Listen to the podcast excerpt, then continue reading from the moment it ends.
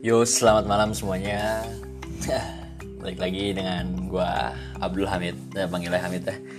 Di sini podcast gua nih uh, yang sekarang kayaknya tentang saham paling ya.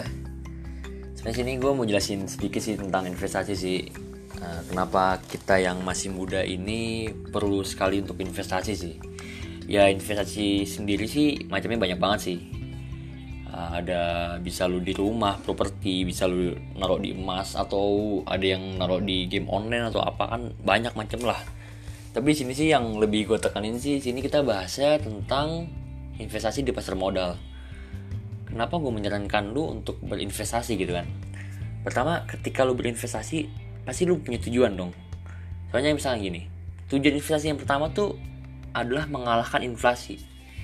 Lu punya duit 100 ribu lu diemin lima tahun ke depan itu harganya udah beda lah maksudnya duitnya tuh yang tadinya lu bisa beli banyak barang lima tahun ke depan dengan duit 100 ribu tuh lu udah hanya bisa beli sedikit barang doang gitu. Itu sih pertama yang tujuan investasi tuh ya untuk mengalahkan inflasi gitu. Dan bisa nggak sih kita dapetin keuntungan gitu dari investasi gitu? Ya tergantung ke elunya sih. Tapi yang jelas lu bisa banget sih dapetin keuntungan atau bahkan ngalahin inflasi juga bisa gitu. Dengan cara ya lu berinvestasi itu gitu. Ya gue mau bahas tentang saham nih ya. Saham tuh apa sih? Ya banyak banget kan dari kita tuh yang belum tahu tentang saham itu apa gitu kan. Kita mikir kan nih apalagi yang orang-orang ya ini haram apa enggak atau dan lain-lain gitu kan.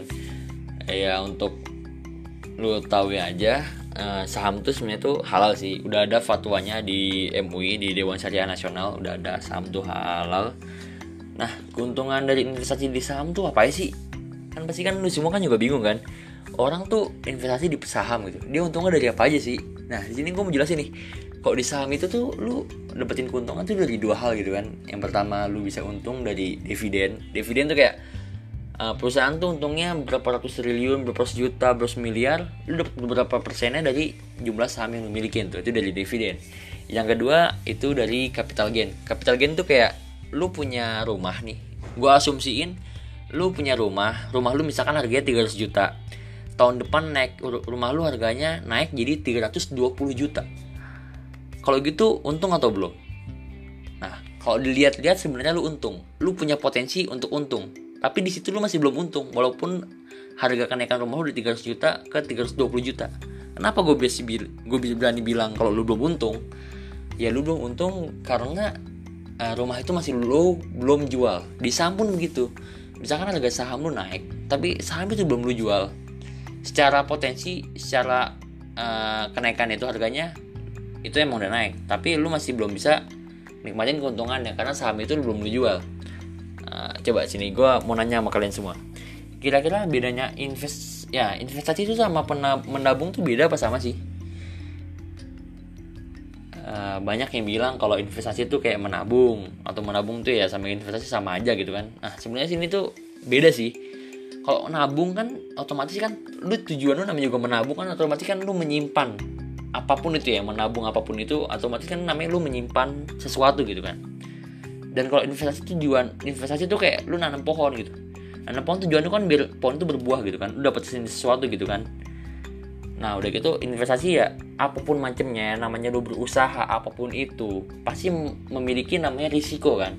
Nah sama investasi ini lu punya risiko. Punya risiko rugi punya risiko untung. Lu bisa untung bisa rugi. Dan itu tergantung elunya. Gimana cara elunya manage segala macam gitu kan Nah kalau nabung ya relatif nggak ada risiko lah ya. Paling ya kena potongan-potongan tiap bulan sih. Nah kalau investasi tuh lu punya akad gitu. Denis apa cara transaksinya atau kesepakatannya kan lu jual beli kan. Sedangkan kalau lu nabung kan ya lu simpan pinjam gitu kan. Nah karena yang gue tekenin di sini tuh investasi di pasar modal otomatis kan lu investasinya di tempatnya di pasar modal dan kalau lu nabung ya di perbankan gitu kan. Nah, sebenarnya kalau investasi di saham tuh untung gak sih? Untungnya gede gak sih? Gue bisa uh, mandiri gak sih dengan saham doang? Oh lu bisa. Bisa banget sih. Gue berani bilang lu bisa banget. Lu untung dari saham doang sih. Tapi kalau dari, dari grafik dari tahun 2006 sampai 2019 tuh ada kenaikan terus itu walaupun ada penurunan tapi kalau dari garis panjang dari 2006 sampai 2019 sekarang nih lu untung gitu. Sedangkan misalkan lu naruh duit uh, duit lu lu beliin emas itu ya lebih stagnan sih lebih ya stabil lah nggak terlalu kena investasi segala macam. Tapi kan ya duit lu nggak terlalu berkembang banget itu kalau taruh di emas. Uh, kalau ditaruh di lain-lain ya lumayan lah ya. Uh, langkah-langkah investasi ya. Segala satu kan pasti ada apa step by stepnya kan. Pertama ya lu harus ngerti dulu lah. Lu tujuan lu buat investasi itu buat apa gitu kan karena setiap dari kita kan pasti punya tujuan masing-masing kan. Ada yang kayak buat nyari untung doang buat makan segala macem. Ada juga yang kayak buat ah gue bingung nih. Gue uh, kalau lulus dari atau udah kerja nanti gue mau gimana ya? Atau ada yang mau buat pensiun segala macem. Dan lu dan setiap orang tuh bisa apa ya bisa me, mendapatkan resikonya masing-masing. Kayak gue tuh bisanya diujinya segini doang gitu kan. Kalau yang lain segi, segini mana pun ya bisa diuji gitu. Nah saham juga gitu kayak lu bisa uh, bisa lu harus kenali dulu gitu. Lu tuh kayak gimana? Lu tuh bisa na apa nerima resiko tuh sebanyak apa gitu kan? Nah karena karena di investasi pasar modal tuh banyak banget kan ada saham obligasi reksadana tapi ya kalau buat lu yang masih takut gitu masih kayak masih ragu-ragu untuk investasi di pasar modal ya cobalah di reksadana dulu gitu. Reksadana ini sebenarnya rada ini sih apa resikonya nggak terlalu gede banget sih dibanding di saham lah ya. Udah gitu ya yang perlu ditekenin sih uh, hati-hati aja sih. Sekarang kan banyak banget segala sesuatu tuh kayak disebutnya investasi investasi investasi gitu. Kayak banyak banget kayak apa pun itu banyak yang bertopengnya tuh pakai investasi gitu. Makanya uh, gue saraninnya sih hati-hati. Yang pertama ya saran gue lu pilih uh, suatu tempat yang itu tuh udah diawasi OJK gitu. Ya setidaknya itu lebih secure gitu kan lebih aman gitu kan dibanding lu naruh tempat yang gak diawasi sama OJK gitu kan.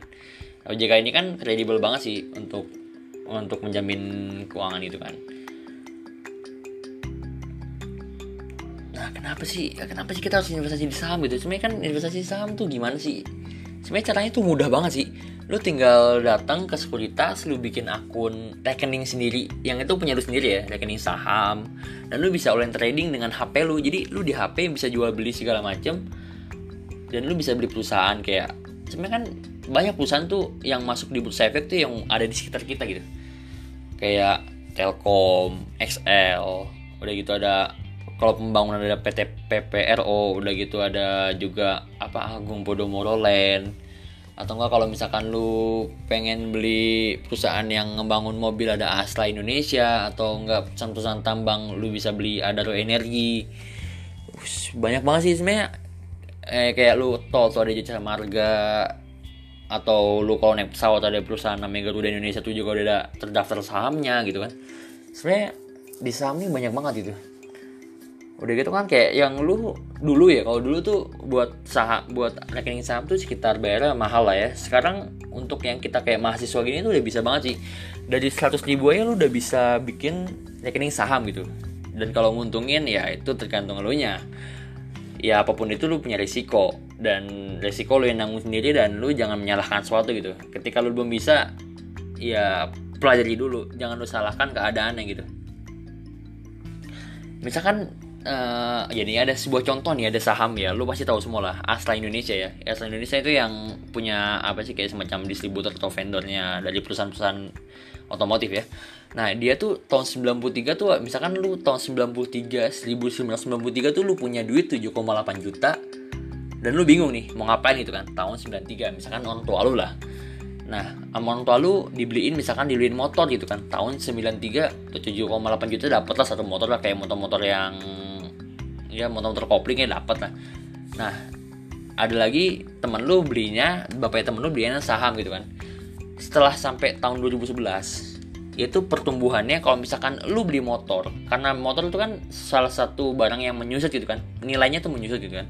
Jangan kalau lu taruh di saham itu lu tadinya 7,8 juta dari 93 2011 jadi 340 juta. Wah itu gila banget sih. Itu naiknya udah sekitar 428 persen